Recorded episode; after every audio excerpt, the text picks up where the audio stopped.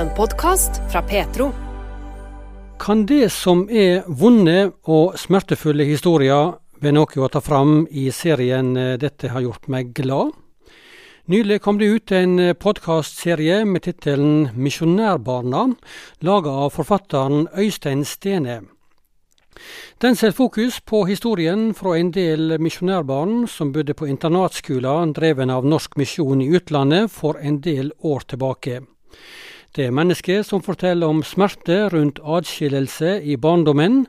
Der er historier om omsorgssvikt og også overgrep.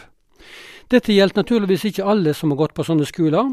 Mange har positive opplevelser, men i flere tiår har det kommet fram en god del vonde historier som blir belyst i podkasten Misjonærbarna. Øyvind Ruud Kringstad er regionleder i Nord-Norge for Misjonssambandet, organisasjonen som får størst omtale i denne serien.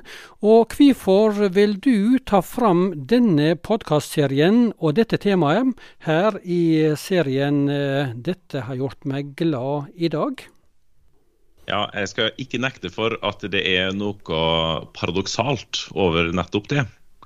Fordi at eh, glede og det har gjort meg glad, og tematikken i podkasten Misjonærbarna og det som Ja, håper å si glem, eh, glem podkasten, tenk på hele eh, sakskomplekset eller tematikken rundt det, er jo ikke glede som man liksom eh, assosierer med det.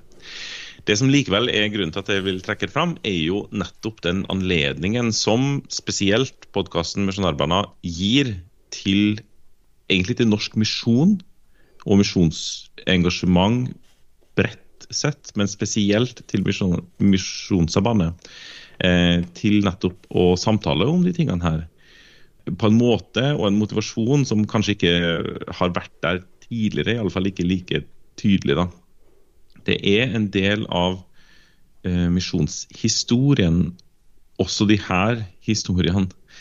Eh, og det her eh, her tematikken, som bør og må løftes fram også for en ny generasjon. Jeg tror kanskje eh, altså podkast som format er ekstremt kraftfullt. Og så har det det med seg at det når eh, Det er relativt lett tilgjengelig for mange.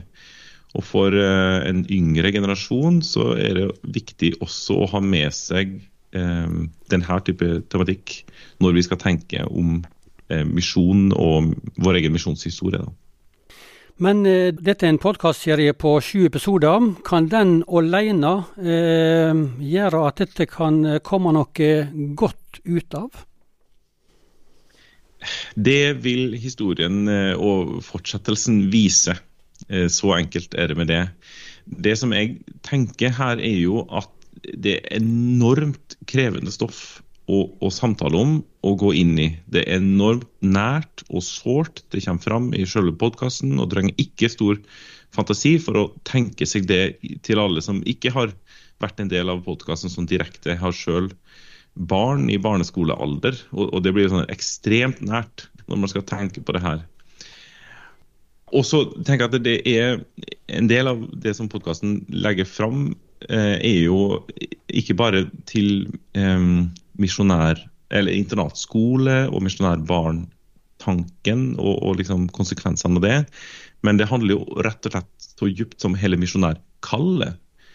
Og, og, den klassiske læren om disippelskap. Hvordan går det her egentlig sammen eh, med familieliv og, og ethvert liv, rett og slett? Så her er det en, en, samtale som vi trenger å føre sjøl med all den sårheten og nærheten som ligger i det. Hvordan kan vi bare tro og holde en, en hel bibel opp, og samtidig eh, ta inn over oss konsekvensene av måten det her har blitt gjort på tidligere. Eh, jeg tenker Det er en eh, voldsom anledning som vi har fått her, til refleksjon, til oppgjør der det trengs. Um, og til å, å sette det på agendaen. Vi kan ikke komme unna det her altså, i fortsettelsen. Enhver krise er en kime til nyskapelse og noe nytt. Men da må du stå i krisen. Da må du være der, og være der lenge nok til at det kan bli noe nytt og godt og sunt i fortsettelsen. Du er en leder i Misjonssambandet. Du er regionleder for deres arbeid i eh, Nord-Norge. Eh, hvordan vil du bidra som, i den lederrollen du har, og, og bli utfordra og ta dette her videre? Og jeg syns det er vanskelig å svare direkte på. altså. Eh, Dette er jo en, en, en stor samtale som, som, på en måte trengs å ta på øverste ledernivå. Eh, fordi at man må møte det som en hel organisasjon, om du vil, og, og sånn. Eh, for min del, jeg håper å si lokalt, eller det blir jo på en måte regionalt, da, så ønsker jeg gjerne å fremme eh, ja, Det blir kanskje litt rart å kalle det sånn, men, men sunn bibelsk eh, eh og, og, godt forankra eh, lære også om de tingene her. Det skjer på generelt grunnlag. Eh, de arenaene, de plassene hvor vi snakker om kall og misjon, at vi har en refleksjon omkring det som gjør at det blir godt. Og så har vi også et, et system eller kontaktpersoner som på en særlig måte driver med sjelesorg og som ønsker å møte, og som er tilgjengelig for å møte mennesker i eh, sårbare situasjoner eh, og krevende livssituasjoner. Der også en del av de skjebnene som er på en måte inkludert og særlig synliggjort gjennom det her, da, eh, vil kunne være. Så det å legge til rette for ordninger som har med det, eh, det er i alle fall noe som vi som vi allerede gjør, men som vi, som vi på en måte tilskyndes å gjøre videre her. Ja, Det sa Øyvind Ruud Kringstad. Han er regionleder i Misjonssambandet region nord. I serien 'Dette har gjort meg glad' tok han i altså tak i eh, denne nylig utkomne podkasten 'Misjonærbarna i dag'. Og Misjonssambandet sin hovedledelse har både i forbindelse med den store misjonærbarnundersøkelsen i 2009 og i fjor sommer beklaga overfor misjonærbarna. I juni i fjor sendte de ut en beklagelse der de mellom anna skrev vi erkjenner at vi ikke er ferdig med å følge opp intensjonene som ble uttrykt i 2009, og at vi som organisasjon til tider har vært for opptatt av å peke på det som har vært gjort av positive tiltak. Det har ført til at flere av dere som har tatt kontakt for å dele vonde erfaringer, ikke har blitt møtt med forståing og tatt på tilstrekkelig alvor. Videre skrev de at Misjonssambandet har det moralske ansvaret for internatordninga, som førte til at barn og foreldre i lange perioder måtte leve atskilt, og at omsorgssvikt og overgrep kunne skje.